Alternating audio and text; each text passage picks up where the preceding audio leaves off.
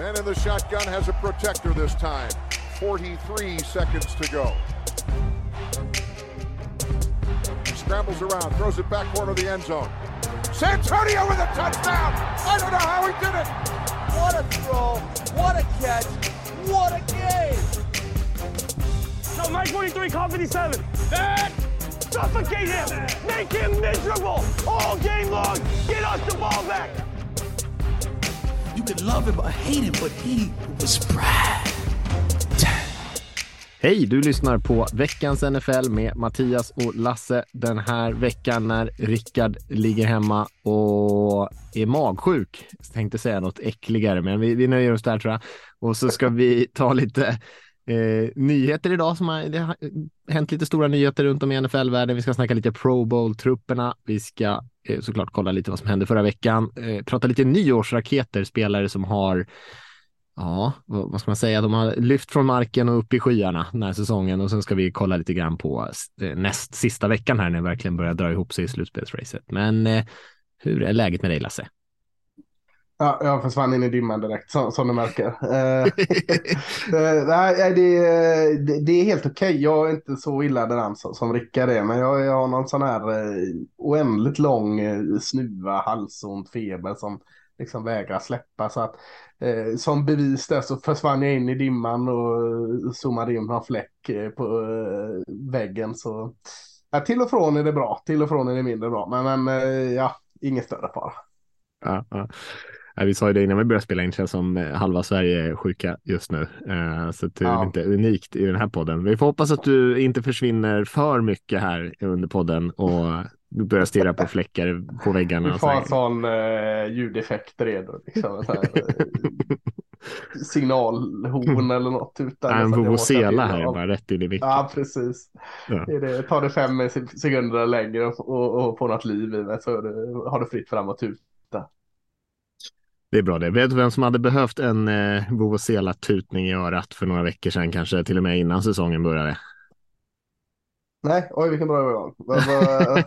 Nathaniel Hackett såklart. Ah, ja, herregud. Eller bara en QB kanske. Jag vet inte. Eller, ja, eller en QB. Men eh, Broncos eh, har ju sparkat sin eh, tränare som han anställde inför den här säsongen. Eh, och han fick ju alltså inte ens en säsong på sig att eh, ta sig an det här Broncos-laget som eh, hade en ganska svidande torsk mot ett ett Rams som har en minst lika svag säsong, eller åtminstone en nästan lika svag säsong och så hängde fortfarande upp över 50 poäng på Broncos här förra veckan och då fick man nog och hacket åkte ut. Vad eh, ska vi säga om det Lasse?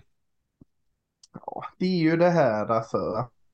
Fick en tränare första säsongen. Jag vill ju inte på något sätt liksom ge tummen upp för sånt agerande, men, men men samtidigt har man ju förståelse för det också. Så, så det är så svårt liksom att bara direkt såga, såga liksom beslutet. För att det är ju ganska tydligt att det här funkar inte. Eh, eh, men så har det ju varit för många förstaårscoacher som sen har vänt på det och gjort väldigt, väldigt bra där. Så att, eh, står här som nästan en politiker i mitt svar och dansar på båda alternativen. Alltså jag, jag, jag har svårt att bestämma mig för vad jag egentligen tycker. Så, så, så går du in och skjuter en idé så, så tar jag rygg på den.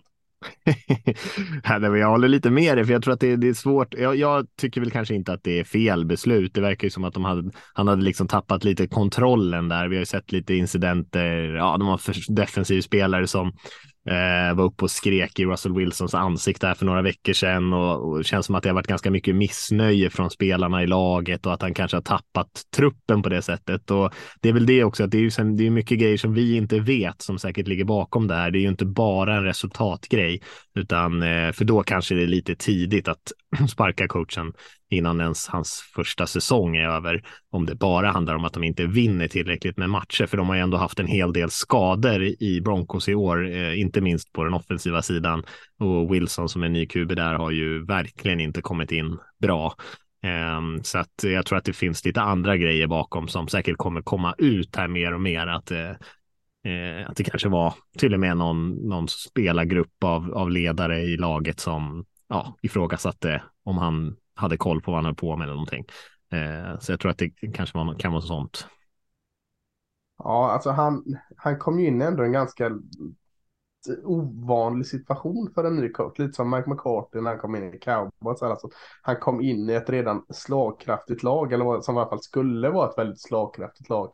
Vanligtvis när en ny coach kommer så är det ju att det är någonting, eh, inte nödvändigtvis en rebuild, men att det är väldigt mycket att fixa innan liksom man ska vara där och presentera resultat så var ju inte situationen i Broncos. Det här skulle ju mer eller mindre vara en Super Bowl-utmanare redan året säkert. Så lite eh, samtidigt tacksam trupp att jobba men även otacksamt liksom för att då, då mäts man mot resultat väldigt, väldigt snabbt. Alltså jämför han med Doug Peterson till exempel eller eh, vem vet jag av alla de nya coacherna så eh, hade ju häcket press på sig från dag ett egentligen. Verkligen. Och sen också att han är offensiv coach då. Kommer in och det är anfallet som är det stora problemet hela säsongen egentligen och det har inte blivit bättre heller. Man tänker att de ändå ska ta steg i rätt riktning, men det har de ju verkligen inte gjort utan snarare kanske sett ja, sämre och sämre, så ganska dåligt ut från början, så det var nästan svårt att det skulle se sämre ut. Men det har åtminstone inte blivit bättre under säsongens gång och det är väl eh, kanske lite extra kritik mot hacket då. då. Ja, och, och jag tänker alltså, var det tio nya tränare i år eller vad sa vi när, när vi började Mm. spela in det här året? Eh, Jag för mig det, va? Mm. Och att tio tränare, alltså det kanske är en för stor rotation nu på tränare. Liksom det är inte helt lätt att hitta tio kanontränare år ut och år in. Alltså det, då blir det vissa sådana här som inte, som inte blir bra. Och nu spär ju det på ytterligare att det kommer en ny tränarkarusell när han slutar. Så att ja, kanske lite stilje, äh, stiltje att önska i den här tränarkarusellen. Liksom. Ja, det är lite mycket tio nya tränare per år. Ja. sådär. Det, det, det tempot är svårt att hålla. Då, Ja, eh, svårt att hitta bra coacher då tänker jag. Verkligen, verkligen. Och det började direkt snackas om Russell Wilsons kontrakt där man har kvar eh, sportchefen, eh, men det känns som att ägargruppen där går in och tar ganska mycket eh, makt i den här situationen då och eh, sportchefen ska vara involverad, men det ska ändå vara in, in, i slutändan inte sportchefens beslut vilken coach man tar in och så där. Eh, och eh, Wilsons kontrakt börjar man snacka om och ska man försöka göra sig av med honom och ge upp på det här experimentet direkt. Eh, och även det där är min känsla av att Wilson har inte varit bra i år och det är inte säkert att han kommer tillbaka till de höjderna han haft tidigare och kanske så eh, har han inte så mycket kvar i tanken. Men det känns ändå, tycker jag, som att man gör det lite, lite för lätt eh, när man lägger allting på Wilson där. Jag tycker att de har som sagt haft ganska mycket skador. Om man nu inte tycker att coachen gjorde ett bra, liksom, eh, fixade bra förutsättningar med sitt offensiva system och så där.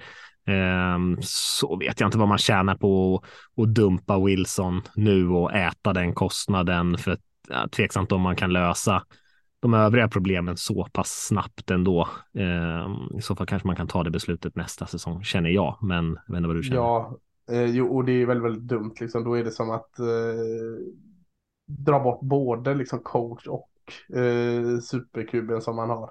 Eh, testa nu och sätt in en ny coach och se vad som kan hända här eh, med Wilson. Man förlorar inte mycket på att ha kvar som du säger ett år till.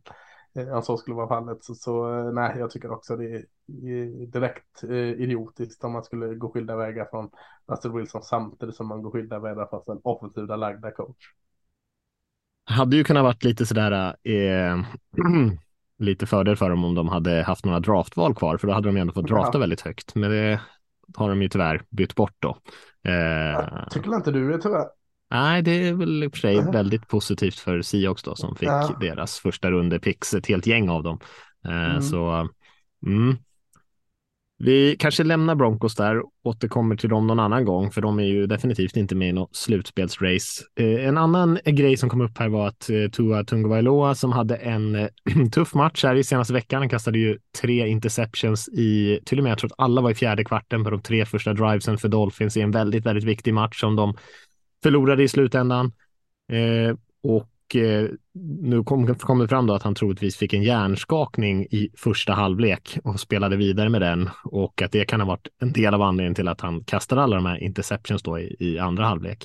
Eh, och det är ganska allvarligt för Tua som har, har haft minst en officiell eh, hjärnskakning då tidigare den här säsongen, men många misstänkte att han hade en även veckan innan han fick den, så att då i så fall skulle kanske Mm. vara till och med vara hans tredje hjärnskakning på samma säsong och det är ju inte jättehälsosamt kan man ju lugnt säga.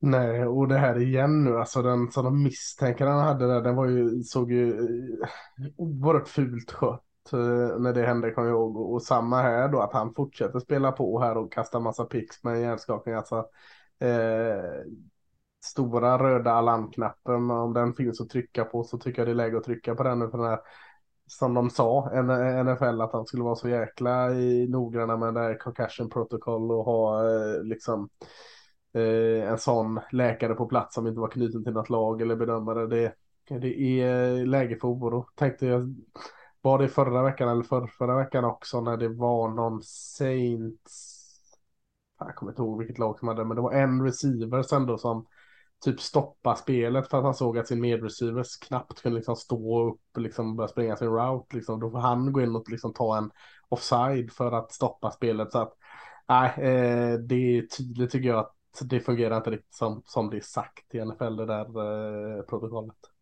Nej, verkligen. Och vi får väl se lite grann hur det går för Dolphins framåt här. Det kom också i, det var i och för sig innan förra helgen, men vi har inte hunnit prata om det. Pro Bowl-trupperna kom ut och eh, de kör ju ingen klassisk match i år, utan det ska snarare vara lite ja, eh, skills competition, så blir en flaggfotbollsmatch vad jag har förstått eh, i Las Vegas. Och ehm, det brukar alltid bli lite snack om trupperna. Vi, många spelare är ju absolut välförtjänt att komma med. En del blir alltid snack om vilka som inte kom med och kanske borde. Och sen så säger vi väl alltid det att det är lite av en popularitetstävling Pro Bowl, utan det är många som röstar, fansen röstar, spelare röstar eh, och man röstar ju på de namn man känner igen många gånger, även fast de kanske inte har sin karriärs bästa säsong. Eh, och eh, det var ett, ett, flera lag som hade rätt mycket spelare. Eagles till exempel hade ju åtta Pro Bowl spelare den här säsongen. Cowboys och Chiefs hade sju. Eh, och sen även Ravens hade sex, Vikings fem, 49ers hade också sex stycken. Eh, tror jag om jag räknade rätt här nu. Eh, så att jag vet inte om vi ska kika lite grann på trupperna där. Eh, om vi kan till och med räkna upp dem lite snabbt tänker jag. Nej, det är för många namn. Man kan, ja. man kan gå in och läsa dem själv.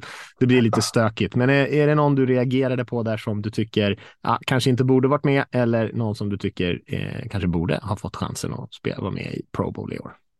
Eh, kanske. Jag reagerar mer brett. Att eh, du sa att det oftast är en popularitetstävling och eh, den går på namn för det, liksom vad de producerar. Jag tycker man kanske ser lite att de har frångått det i år. Eh, tänker att det är många ganska intressanta. Vi ska ju sen prata om lite nyårsraketer, så jag vet inte om jag ska wastea dem redan här. Men jag, tycker, jag tycker man kan ta ut sådana som vanligtvis kanske inte är de aktade namnen som kommer upp. Mitch Moores, eh, centern i Buffalo till exempel, ett tydligt exempel tycker jag. Nu håller han hjärnskakning säger man, tycker han har haft en skitfin säsong och så kommer han med i, i, i Pro Bowl här. Eh, typexempel på det. Eh, tycker jag såg mer. Visst, Trey Hendrickson har väl två bra säsonger i ryggen nu, men inte det där superaffischnamnet direkt, Cincinnati Edgen där. Också eh, eh intressant. Eh, vad hade vi mer för, för spelare som, jag, tyck, jag tyckte det var ett par sådana som ändå stack ut. Jordan Poyer också i Bills. Alltså, visst, han är ju stort namn, men inte så galet stort kanske. Så att jag, jag tycker man man, man fick ändå lite, lite, lite gott och blandat. Sen finns det ju alltid sådana man kanske kan frågasätta. Eh, huruvida till exempel Miles Sanders är en, en run, i, Eagles är en running back av alla de här running backen som ska med till exempel. Eh, ja, vad är det mer? Ska Devonte Adams med för den här säsongen? Vegas, ja kanske. Men, men eh, jag, jag blir glad att se lite, lite annorlunda namn i varje fall. Mm, jag tycker att eh, någonting som står ut lite grann när det kommer QB-positionerna, i de två konferenserna där. Man ser AFC har Josh Allen, Joe Burrow och Patrick Mahomes som man kanske, ja, är det de tre bästa unga quarterbacksen i NFL just nu kanske. Eh, definitivt eh, Allen och Mahomes i alla fall om man kollar på NFC-sidan så har vi Kirk Cousin, Jalen Hurts som i och för sig gör en, en monstersäsong såklart och sen så Gino Smith som Eh, kom in där på ett hörn också som inte har spelat så där jättebra de senaste veckorna. Eh, så det är väl lite skillnad i stjärnglans på QB-positionen de två konferenserna kan man väl lugnt säga i alla fall. Och sen just när det gäller den här popularitetstävlingsgrejen så är det väl kanske för mig TJ Watt som står ut som, eh, kom med på AFC-sidan som har Ja. eh, missat större delen av säsongen. Han har väl fyra sax i år eller något sånt där. Eh, och eh, jo, det, borde ju- Så, inte varit med kanske. nej, nej så är det såklart. Eh, eh, Och det, det är absolut in- ingen liksom skugga på 10 watt som är en av ligans absolut bästa. Men, men Absolut. spelar man inte så, så tycker jag nog att chanserna ska eh, bli mindre och komma med sådana. Det, det eh, finns gott om andra som förtjänar den chansen. Så det, så det håller jag faktiskt med dig om. Eh, men annars så tycker jag väl inte att det är så himla off och det brukar det väl inte vara heller. Det är väl eh, ganska schysst liksom om man bläddrar igenom den och man särskilt om man känner så här. Ja, jag har kanske inte riktigt 100% koll på vilka stjärnorna i ligan är så får man en ändå ganska hyfsad bild tycker jag över vilka spelare som eh, som har varit bäst i år och kanske också är de bästa spelarna på sin position. Eh, de flesta av dem, kanske några skadade spelare som inte hade möjlighet att visa vad de går, går för riktigt i år då. Men eh, men annars, som, som du är inne på, ganska, ganska schyssta trupper ändå tycker jag. Vill bara säga att Talanoa Hufanga är med. Just det. Mm. Just det. Som Det är många som tycker att Christian. McCaffrey Som kanske skulle få chansen i NFC till exempel. Ja. Istället för att Eh, prata Sanders där. Ja, nej, jag, jag, då, jag, jag, jag stannar vid Hufanga här. Det, jag, ska, jag ska rida på den vågen så länge. Gör det, det tycker Ja. jag. Eh, hörru, du, ska vi kolla lite grann på förra veckans matcher? Det var ju en eh, del intressanta eh, resultat. Det var ju som sagt matcher både på julafton och på juldagen, så att eh, jag själv kom hem där i hyfsad tid, men det var kanske inte riktigt läge att slå på matcherna det första man gjorde när man kom hem där. Men jag, Seahawks spelade ju så jag slog ju på den någon, en och en halv, två timmar efter den hade börjat där och kollade i kapp. Kanske inte det roligaste slutet på julafton just för min del där, men eh, det hade man kanske kunna ana när de mötte Chiefs där förra veckan som eh, ja, de hade stora problem där mot eh, Chiefs försvar, framför allt Seahawks. Annars har man med Holmes ganska i schack matchen igenom, men, men Chiefs försvar gjorde en dominant insats. Ja, eh, i en lite nedåtgående form här nu. kan man säga. Eh, det är snart för sent att vända på det. Men, mm. men eh, spännande var det i alla fall. Hoppet finns fortfarande. Jo, det lever. Det gör det för många lag. Ja. Nej, men jag, jag såg inte mycket av sju matcherna här. Jag gick in och kollade lite i efterhand och så. Giant Vikings var intressant match, en, en bra spelad match. Eh, men slutade ju också med att Vikings sparkade in ett field goal egentligen på matchens sista spel och väldigt talande för, för båda de här lagen. Vikings har ju stått på rätt sida och de här udda poängsvinsterna så många gånger i år. Och eh, på andra sidan har vi Giants som har stått på udda poängsförlusterna så många gånger i år. Och framförallt tror jag det är tre eller fyra matcher till och med i år Giants har förlorat där ett relativt långt field goal som typ sista som händer i matchen har gått emot dem. Eh, så väldigt talande match där. Men, men eh, det var en, en ganska tajt och spännande match rakt igenom så, så det, den var fin. Eh, annars såg jag ju såklart eh, Eagles Cowboys. Eh, stormatchen där eh, 10-25 och eh, var ju ett trevligt slut för mig på julafton. med Cowboys som lyckades vända och vinna den här matchen till slut. det. Mm. Eh, lite slarviga försvar från eh, båda lagen måste jag säga. Men eh, Eagles är väldigt, väldigt bra.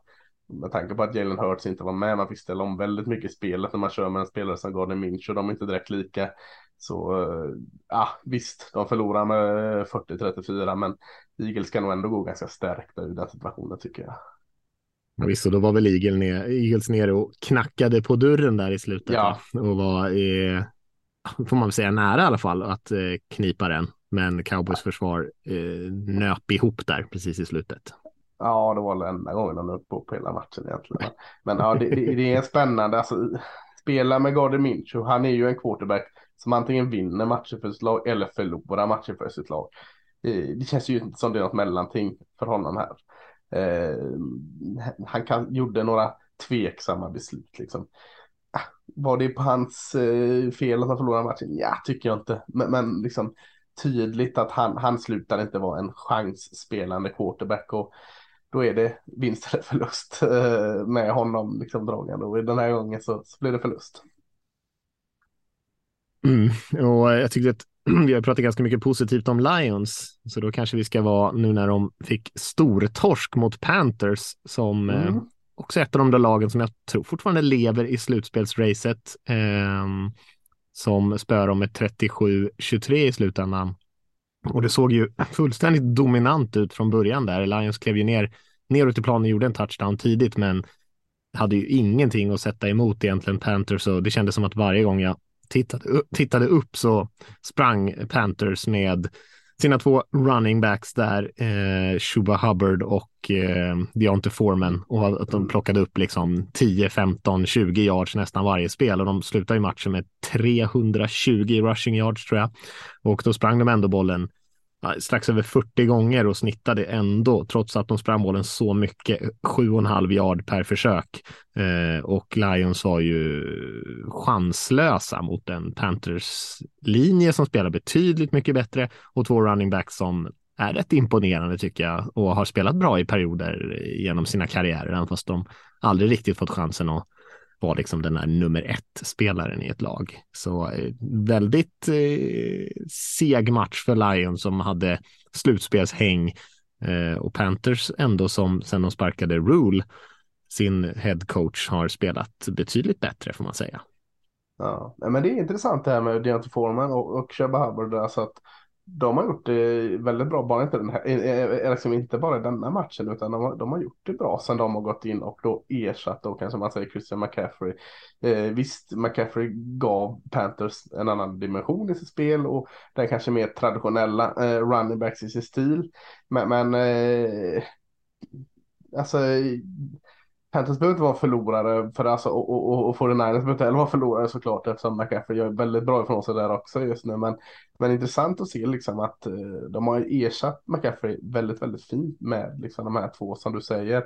Eh, quarterbacken eller runningbacken som har gjort det bra till och från, mer till än från skulle jag vilja säga under sin tid i NFL där de kanske aldrig riktigt har varit den här tydliga nummer etten. Så att eh, det är intressant att följa och det var tydligt där. Sen eh, kan ju alla lag springa mot Lions och har kunnat i 15 år. Lions har aldrig någonsin kunnat mm. försvara eh, springspelet så länge jag minns i alla fall. Men eh, ja, ingen skugga ska falla på dem.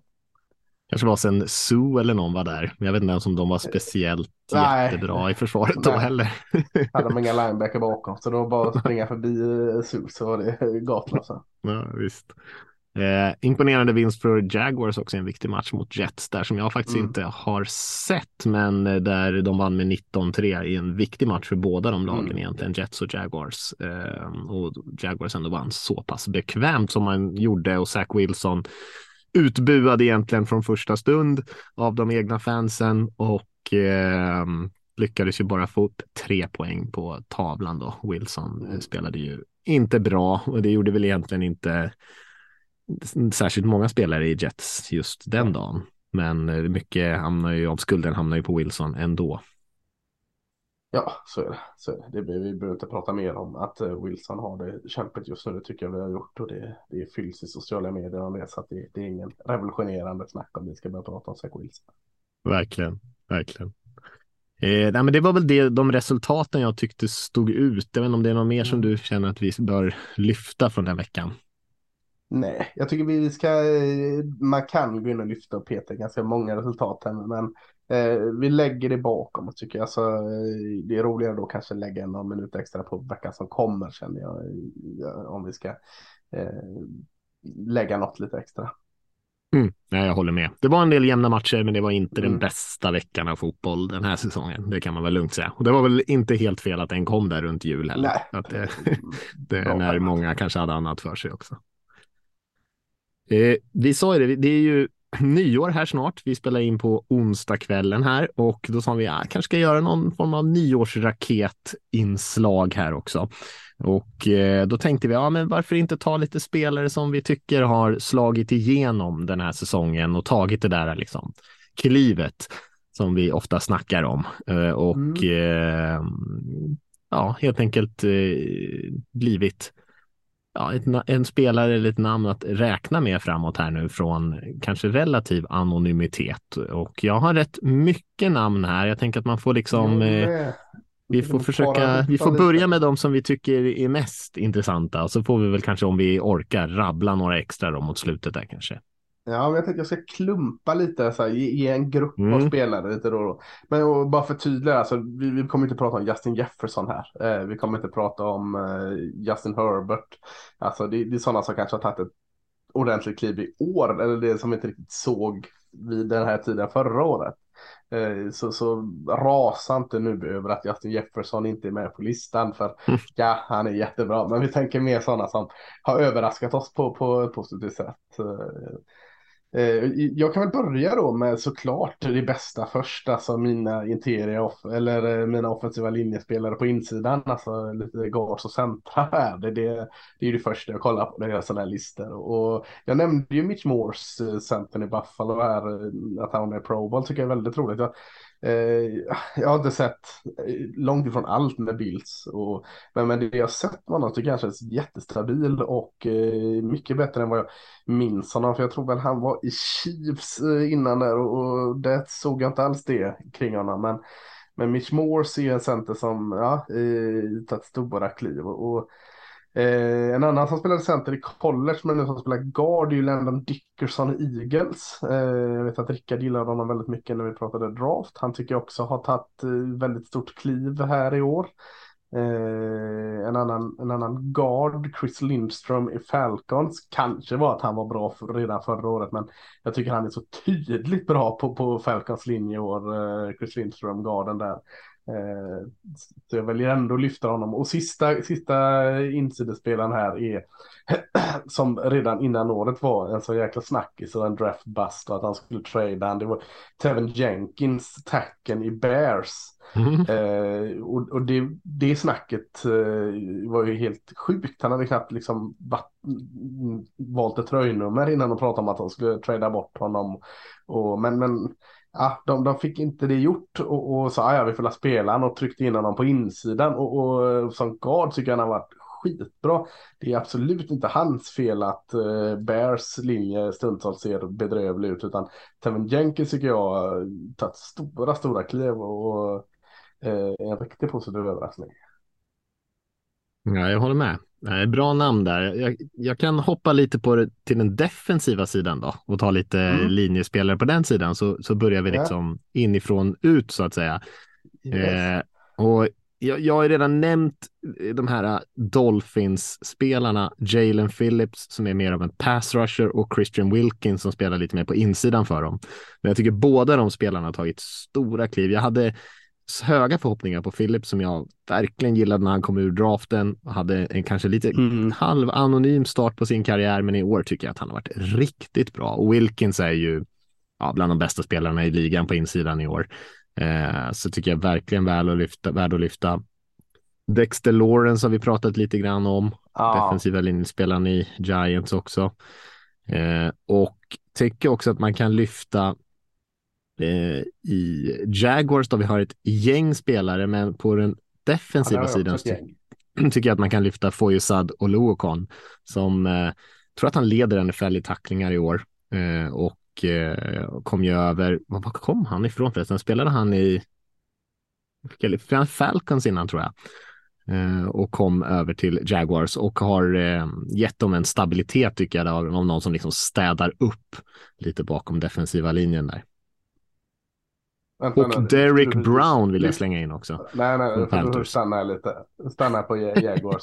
Lyfter du precis en spelare med motivering att han leder ligan i tacklingar?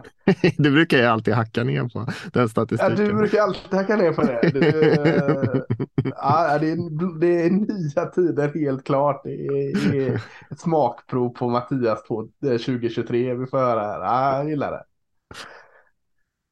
Mm. Nej, men jag tycker han har varit bra. Jag tycker han har varit riktigt bra och är, Ja. är alltid där inne på spelen tycker jag. Ja, ja men kul. Eh, vad sa du efter det förresten? När jag, Derek Brown sa jag, som, som Ja. han har varit bra för Panthers, men i år tycker jag att han har varit eh, dominant verkligen. Ja, ja men jättebra. Jag hade med honom på min lista med. Eh, Ja, men om vi ska ta två Jacksonville-spelare till så är det jättetråkigt att ta Trevor Lawrence, quarterbacken. Men han har ju faktiskt gjort väldigt, väldigt fina steg från att inte alls vara så där. Eh, Det var liksom så va, vad är allt det här snacket om Trevor Lawrence? Det fattar vi inte alls från att nu, ja kanske framförallt andra halvan av säsongen har sett bra ut. Eh, men, men, det har vi alla här pratat om så att jag bara nämner han där för att få han avprickad. Annars tycker jag en, en annan Jacksonville Jaguars försvarare som eh, som jag vill lyfta upp, det, det är Corner, Tyson Campbell som också såg riktigt dålig ut sitt första, första år. I, var en sån där de liksom brände gång på gång där i Jacksonville. Eh, eh, cornerbacken där. Men av det jag har sett där så tycker jag han ser, gjort en, en väldig uppryckning och spelar eh, väldigt, väldigt moget spel på sin utsida där. Så eh, jag, jag är imponerad av Tyson Campbell att han, han har liksom hämtat ikapp så mycket bara på ett år. Mm. Nej, men jag håller med. Spelar riktigt bra. Och du sa Lawrence där såklart, men även hans running back polare Etienne där har ju mm. eh, tagit ett steg den här säsongen. Det är må många Jaguars som spelar bättre. De har fått in såklart en mer kompetent coachstab troligtvis som har satt dem i lite bättre situationer och haft mycket höga draftval tidigare år här och det känns som att det börjar lossna lite grann för ett gäng av dem i alla fall. Mm. Eh, ja, några mer running back pratar vi om. Då, då får jag vara lite hemmablind där och säga Tony Pollard i, Cowboys. Som mm. kanske har gått från en spännande eh, andra running back till kanske vara den bästa running backen eller den bästa running backen i Cowboys. Och känns egentligen som en av de hetaste running backsen i NFL just nu. Så att eh, det är ju enorma kliv eh, från eh, bara ett år på, på Tony Pollard där. Så att jag är inte allt för hemmablind när, när jag väljer att ta upp honom tycker jag. Nej, absolut inte. Hon var ju också i Pro Bowl där. Vi nämnde kanske inte honom ja. när vi gick igenom där, men eh, det var ju välförtjänt verkligen. Jag kan lyfta en annan running back då som kanske inte har fått så mycket uppmärksamhet och det är för att hans lag inte har varit varken särskilt bra eller särskilt spännande i år och det är Ramondre Stevenson i, i Patriot som gjorde en ganska bra första säsong för dem, men hade ju inte riktigt lika mycket ansvar i år är han ju en bra bit över 1000 yards redan för, för sitt Patriots i, liksom om man räknar springspelet och passningsspelet och är fortfarande väldigt, väldigt effektiv i springspelet också upp och sniffa där på fem yards per försök. Eh, trots att de har alla möjliga bekymmer offensivt så eh, Stevenson är väldigt, väldigt stabil för dem. Ja, då tar en running back till snabbt och det är Jamal Williams i Lions. Inte alltid den som får rubrikerna och det är Andrew Swift till running back 1 men eh, från varit ganska trög i Packers så tycker jag han stundtals sett riktigt fin ut i, i Lions. Mm. Eh, ja, jag har väl namn, nämnt ganska många, men det är väl roligt att kunna lyfta lite ett gäng namn som inte är, är vanliga här. Eh, på QBs till som vi pratat om en hel del är såklart eran Gino Smith. Typ exempel på en som har kommit från en tveksam backup till en, en ja, nu har han inte varit så där bra de sista veckorna här, men under större delen av säsongen har han varit riktigt bra. Så, så han känns ju given på den här listan och, och det gör ju även Jalen Hurts. Man har glömt att det var ganska mycket frågetecken kring honom snacket inför den här säsongen. Att han var lite upp och ner förra året och, och nu är ett av de stora utropstecken i ligan. Nej, jag håller verkligen med. Och eh, jag tänker att det är väl lite fult att ta en rookie här kanske, men Sås Gardner som vi har nämnt lite grann kom in med mycket hype omkring sig såklart, men att han skulle leverera på den här nivån direkt som han har gjort och inte bara kanske den bästa rookien, kanske också en av de absolut bästa cornerbacks över hela ligan eh, generellt, kanske till och med den bästa i år, är ju en eh, makalös start egentligen på hans karriär och tycker jag man kan slänga in Chevarius Ward också eh, för 49ers som har gjort ett, ett jäkla jobb ja, eh, för dem på cornerpositionen. Mm. Eh, men så skadorna, är det nya Revis, vi måste ju ändå liksom dra parallellen när han kommer in i Jets och är så dominant redan första år. en av de bästa cornerserna jag har sett i alla fall. men det är ju lätt att, att dra parallellerna. Mm. Ja, det är det ju. Och det är väl det känns som att Jets draftade rätt mycket cornerbacks där ett tag och många fick ju höra det där. Är det, ska det här bli nästa Revis? Så det känns som att det behövdes liksom ta tillräckligt lång tid att folk nästan slutade säga det tills det kom någon som faktiskt var eh, som förtjänade kanske att nämnas i det sammanhanget, i alla fall starten på karriären för Gardner. Eh, för att många av de andra har ju floppat ganska rejält av deras högt draftade corners får man säga i Jets. Ja, jag vet inte om jag satt någon Vikings-spelare men De har en väldigt fin säsong. Så jag tänkte säga en som de eh, signar till sig i, i trade deadline. Här, eh, som man hade förväntningar på. Men som nu kanske har lyft av det är Terrenden TJ Hawkinson. Som eh, jag tror alla vi som pratade i draften var väldigt, väldigt glada om. Han draftades högt också för att vara tight Och har väl varit bra i, i Lions. Men inte det där som liksom motiverar draften så. Tycker han ser skitfin ut i, Vikings. Och eh, en av anledningarna att Kirk Cousins gör en så fin säsong är nog att han liksom kunde hitta Hawkinson här efter eh, trade deadline också. Sjukt underskattad i blockeringsspelet. Så eh, en Vikings-spelare ska såklart vara med på den här listan. Mm, då ska man slänga in en till Viking. Ja, så skulle jag, det är kanske ingen riktig raket, snarare nästan en comeback-spelare, det är ju Patrick Peterson som har eh, spelat väldigt bra för, för Vikings. Och, ja, men det ehm, tycker jag är med på den här listan. Alltså, han mm. var ju så här, är det inte dags att lägga skorna på hyllan läge bara för ett år sedan kändes det som. Så att, uh, tycker jag absolut han kan få med på den här listan. Mm, han kom ju nästan in som en, nästan med sås Gardner-hypen där och sen så försvann ja. han och tänkte att han liksom, han har ingenting kvar och så spelar han eh, riktigt bra för Vikings nu, vilket är ganska oväntat ändå. Han tog, när de tog in honom så var det ju snack om att han skulle spela safety framför allt för att han inte var tillräckligt snabb längre och eh, så visade det sig att han eh, klarar av det fortfarande. Alla var den här raketen man tänder och sen dör stubinen så står man och dividerar hur säkert det är att gå fram och tända den igen. Eh, det får symbolisera Patrick Peterson. Lite så är det. Lite så är det. Eh, ja, Nej, men det var väl de kanske. Men Tua hade ju fått vara med på listan om man inte hade. Just den här veckan var ju kanske lite dålig timing eh, att snacka om honom då. Men eh, och han är ja, det... just med det är han kanske fortfarande lite ifrågasatt trots att han har haft en så fin säsong. Ja, ja men absolut kan han få med på en sån här lista. Det tycker jag. Eh, nämnas som, som vi har gjort nu i alla fall och inte mer med det. Mm. Ja, jag känner mig nog ganska nöjd där tror jag med. Har du någon, hade du någon mer som du ville lyfta? Ja, jag fick ju skry skryta om Talanoa Hufanga i Pro Bowl så jag kan inte ta upp det här igen. Men, men ja, nu fick jag ändå. ja, men det är väl värt nej, faktiskt. Ja. Eh, nej, men jag, jag, är nöjd med listan. Vi fick se en, en bra gäng namn här. Verkligen, verkligen. Eh, om vi då ska kika lite grann på den här, eh, hoppa in och prata lite grann om sista veckan och som sagt, det är ju väldigt många lag som fortfarande är med i slutspelsracet. Vi hade ju faktiskt ett par lag som ja, men som hade det lite i egna händer eller hade lite försprång och hade som man kanske skulle säga någon sån här måste vinna match förra veckan och många av dem förlorade ju. Så att det gjorde ju att det blev ju inte någon som drog ifrån riktigt, utan det är fortfarande väldigt många som är involverade. Eh, det är ett helt gäng som har säkrat sina platser nu. Jag tror att vi är uppe i att det kan vara så att vi har fem klara lag av sju i AFC och vi har fyra av sju klara i NFC. Sen är det ju många mm. som ligger, ja, som det är nästan omöjligt att se hur de skulle kunna missa kanske, men, men så eh, är det just nu i alla fall. Och ett, en, en, eh, ett jäkla massa lag som, som fortfarande har chansen så kan man väl säga i alla fall. Eh, ja, men det tycker jag. Alltså, det, det går lätt och alltså vill man gå igenom varje match, det ska vi inte göra, vi lovat, men, men vill man göra det så, så är det relativt enkelt att hitta någon form av spänning och implikation i varje jäkla match här som kommer nu. Och, och så är det ju inte ofta det så här med så få match, matcher kvar som det är. Det är bara två matcher kvar där nu, va? det är denna och nästa. Mm. Ja, så, så, eh, det är ju jäkligt kul.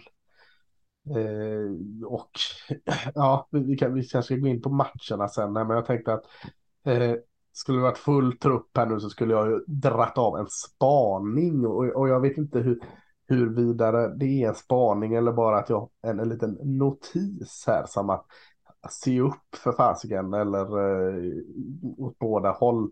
Eh, Dolphins och Packers möttes ju den här veckan som var Eh, vi har pratat om den, Tua eh, drog på sig en hjärnskakning och kastade bollen fel eh, varje gång efter det.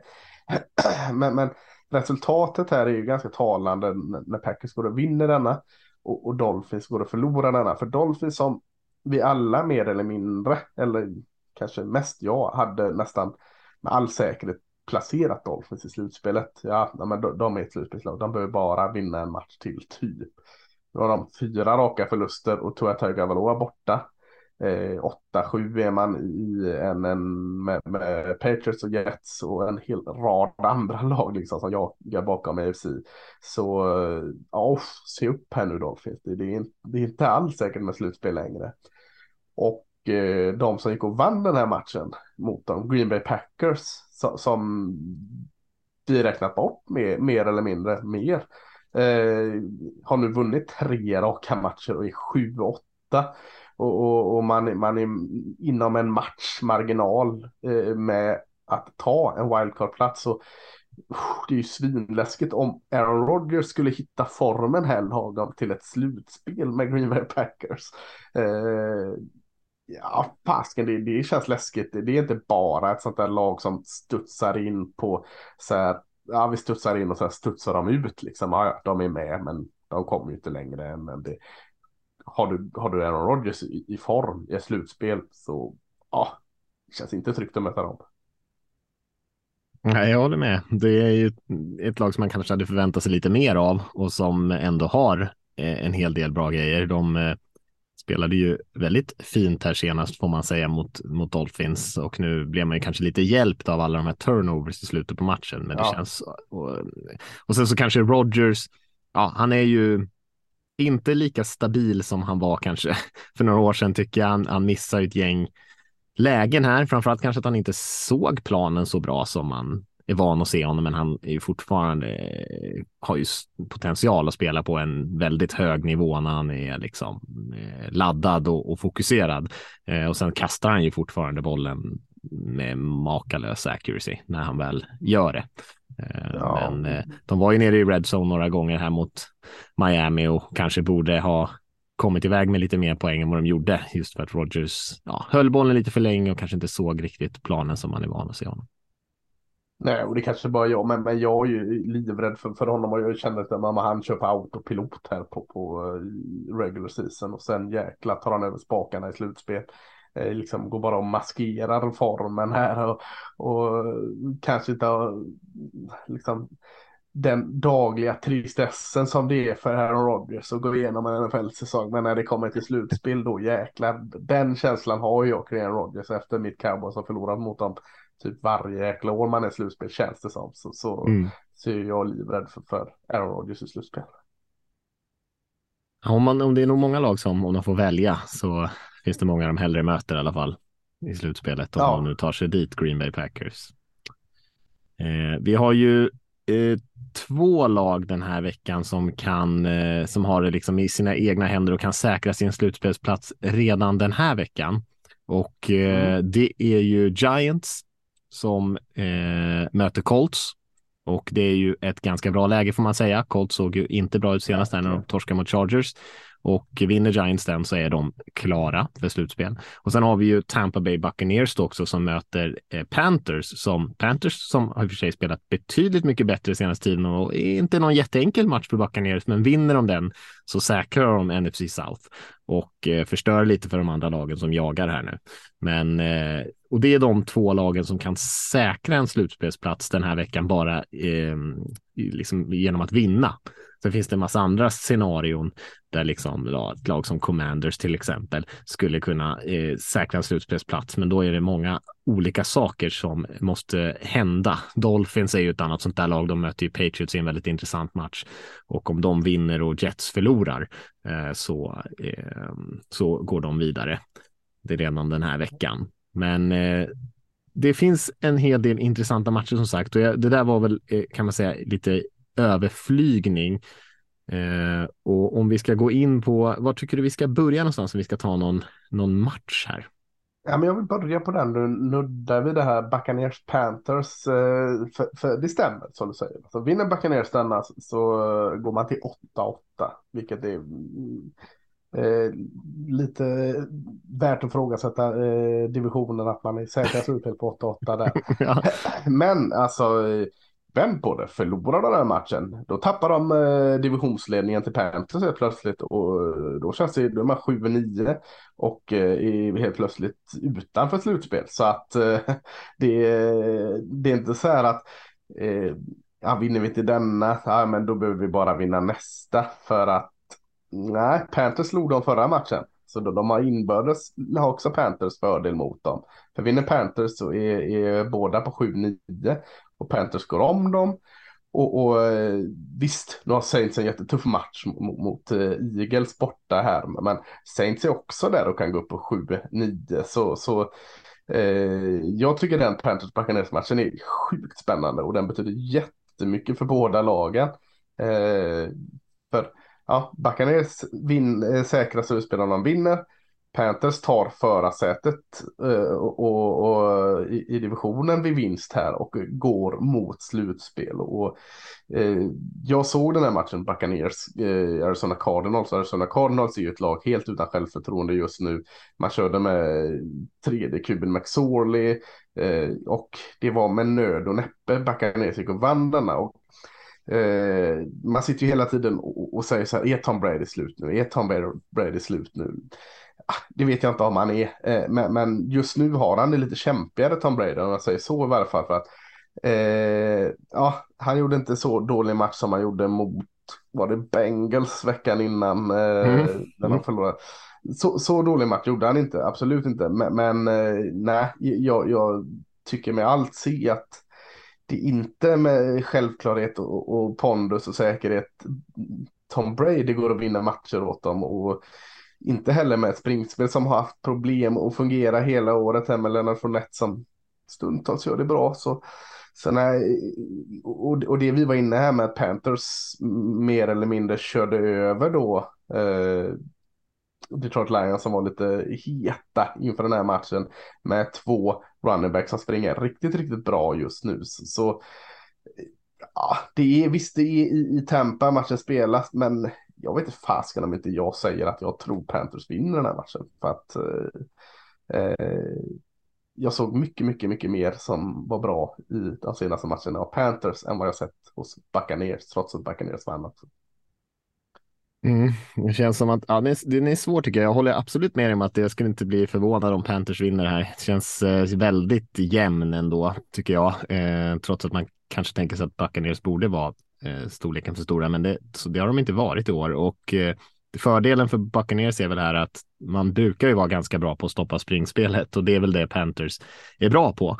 Sen om man är tillräckligt bra för att sakta ner dem tillräckligt mycket? Ja, det får vi väl se, för att de, det är inte så många som, det är många som har haft problem med det här Panthers springspelet och eh, på andra sidan så har ju eh, Bucks offensiva linje haft ganska mycket problem och prata om alla turnovers som Brady hade där. Det var ju mycket fumbles och annat och, och eh, linjen hade ganska stora problem att eh, skydda Brady där och här möter man ju en väldigt, väldigt bra defensiv linje i Panthers. Ja. Så det kan nog ställa till stora problem för dem. Så att jag tycker att det, känns, det är lite som talar för båda där. Där tror jag att Panthers vinner den matchupen på med sin defensiva linje, men men sen eh, som sagt, Bucks är bra på att stoppa springspelet och vad, vad gör Panthers då om man inte får till det? Ska man då kasta ah, bollen då med sant. Darnold? Den är, den är lite svettigare. De vill inte ha en sån matchbild, men kan man hålla nere poängen ändå då behöver man inte springa för 300 yard som man gjorde här senast. Springer man för 150 kanske det räcker. Ja, och det gäller alltså får Tom Brady bara igång det lite så har han ju två riktigt fina receivers i, i Goodwin och, och Evans, Mac Evans och Goodwin. Så att, eh, ja, det, det, men alltså en, en, riktigt bra match. Det är nog min sju match som jag väljer i varje fall är de tidiga matcherna för att eh, en eh, divisionsrivalitet, en match som betyder så mycket och två eller lite spännande lag att se vart eh, som kämpar om slutspel. Så att, ja, jag tycker det är en riktigt bra sju match. Håller med dig.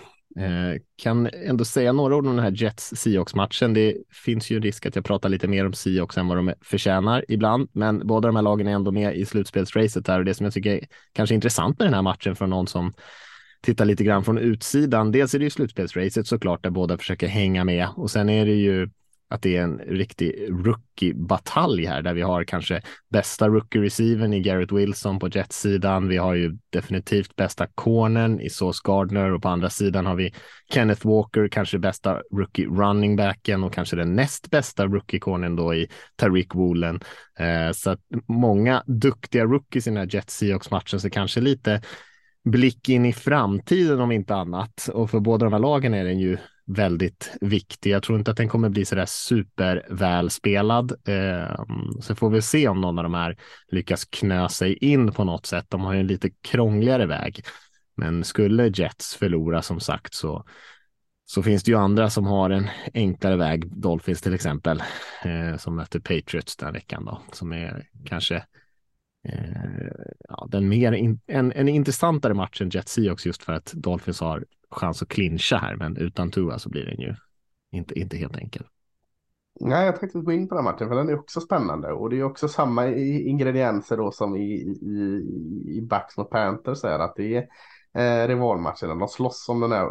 Här slåss man inte om en, en eh, divisionsvinst. Den har ju Bills redan tagen, men eh, de slåss om en av wildcard-platserna för båda har inte råd med denna. Eh, det, det tror jag inte. Eh, och då Dolphins utan Tua Tagovailoa. Jag vet inte, är det Teddy Bridgewater? Är han frisk? Känns som han alltid skadad också. Eh, eller tror att han ska starta. Nej, jag vet inte. Eller, ska han det? Jag tror det. Mm.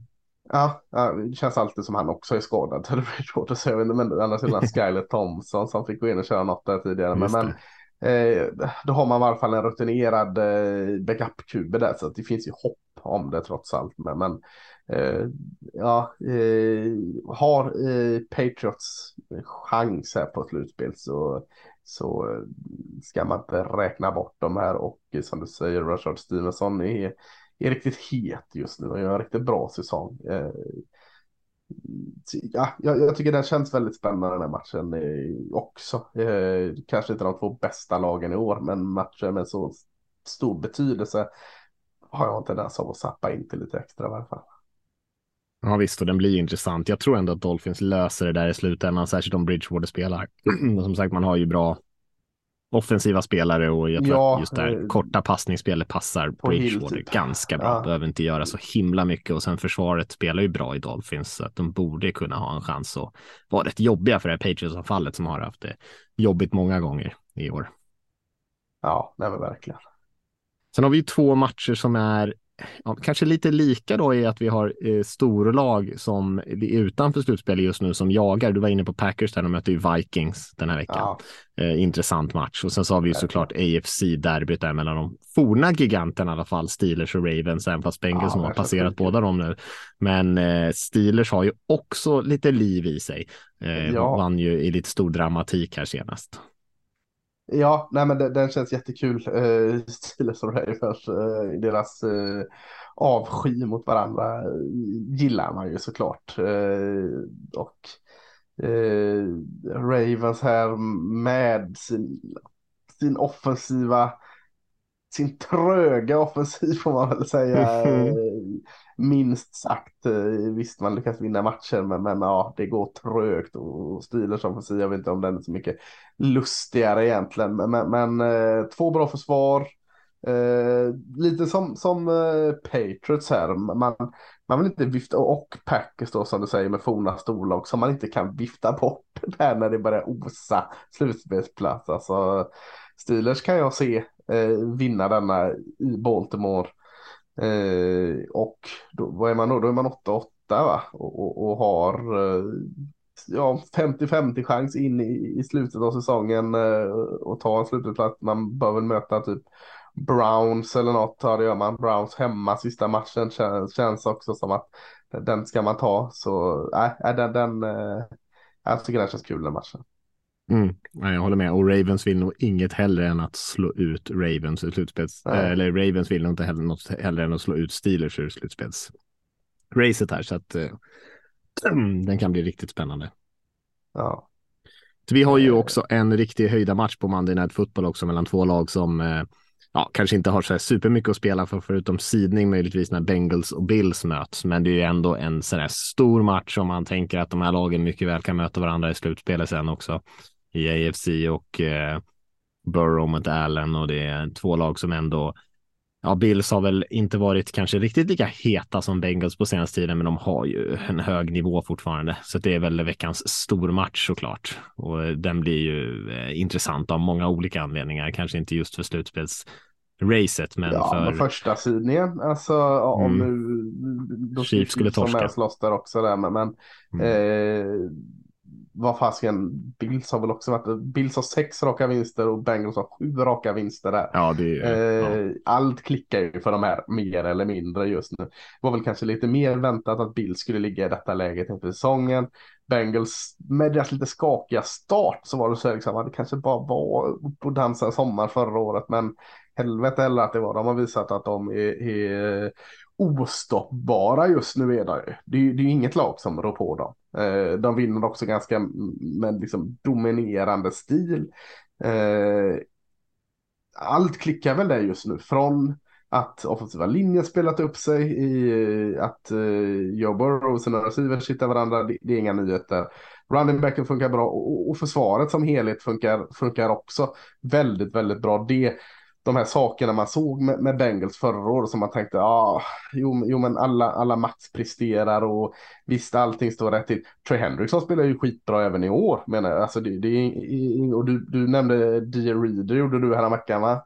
Mm. Eh, Insideattacken där, svinbra liksom och, och eh, till och med sånt som jag alltid pet, gillar att peta på och säga att du är värdelös. Ila Apple har visat eh, en hel del eh, bra egenskaper i konen. Här så att äh, de, de är inne i den här formen som man ska vara nu så att jag, jag har väldigt svårt att inte hålla Bills i favorit i någon match just nu. Så att jag håller nog Bills som favorit här men, men Bengals är, är riktigt heta just nu och det, det är en skitbra match. Och, och visst båda är klara för slutspel och detta men kan man bara lägga till den här dimensionen att kanske att han slåss för att få nummer ett sid och ha hemmaplan rätt igenom till Super Bowl så, så finns det mer att spela om bara än om eh, Heden. Mm.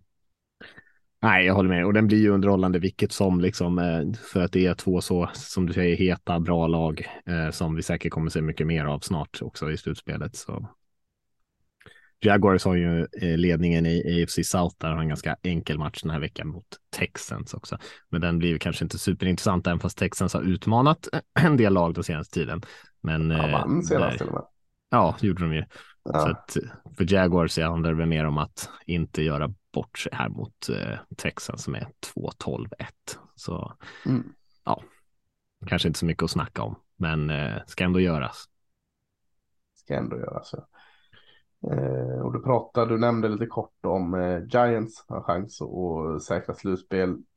Bör de göra mot Colts hemma, vilket är jäkligt imponerande. Liksom eh, var en liten svacka här. Eh, men har ändå hittat någon form av semiform då här ändå och kan säkra slutspel, vilket är måste vara ett stort liksom plus. Nu har de inte gjort det än så vi ska inte liksom jinxa det, men, men eh, de måste vara väldigt nöjda med säsongen. Det tror jag att de räknar med första året. Och samma då kan vi säga att de har inte chans att säkra en slutspelsplats, men de, de har chansen att ta ett ordentligt kliv mot den kanske. Det är Washington Commanders som spelar hemma mot Cleveland Browns. Browns som, som inte har varit så där jättemycket att hurra för um, med Watson tillbaka. Eh, så, kanske inte de mest spännande matcherna att sappa in på, men, men två lag som är slutspelsracet i varje fall. Ja, verkligen. Eh, och Commanders, de har ju en lite snårig väg framåt, men eh, det är inte omöjligt. Nej, absolut inte. Ja, jag tänker att vi rev igenom de mest intressanta matcherna. Som sagt, det är ju någonting som påverkar någonting i nästan alla de där eh, matcherna den här veckan och så är det ju slutet på säsongen, särskilt en sån här jämn säsong och det är ju kul. Det är precis som man vill ha det. Och jag, om jag får gissa så skulle jag tro att det kommer vara en del spännande grejer även sista veckan. Eh, oavsett om det rör kanske sidning eller om det rör de sista slutspelsplatserna. Så eh, det blir en spännande avslutning på säsongen helt enkelt. Verkligen. Och med det sagt kanske vi ska ta och runda av lite grann för den här veckan och eh, såklart eh, önska gott nytt år till alla våra lyssnare där ute. Och eh, så får vi väl hoppas att det, det faller åt rätt håll för just ditt lag, du som lyssnar, om det, det står och hänger här på någon sista skörtråd. Absolut, och, skulle det vara så att ni får en Patrick Peterson i eran eh, arsenal av fyrverkerier så gå inte fram och tänd den där stubinen igen. Det, det är inte värt det. All, alla de här som blindgångarna blir inte Patrick Peterson, så, så skit i det. Vill inte, Skit vill inte ha några JPP-olyckor. Nej, precis. Så, så eh, med det sagt så tycker vi gott och försiktigt nytt år, goda vänner, så hörs vi 2023. Det gör vi. Ha det bra allihop där ute.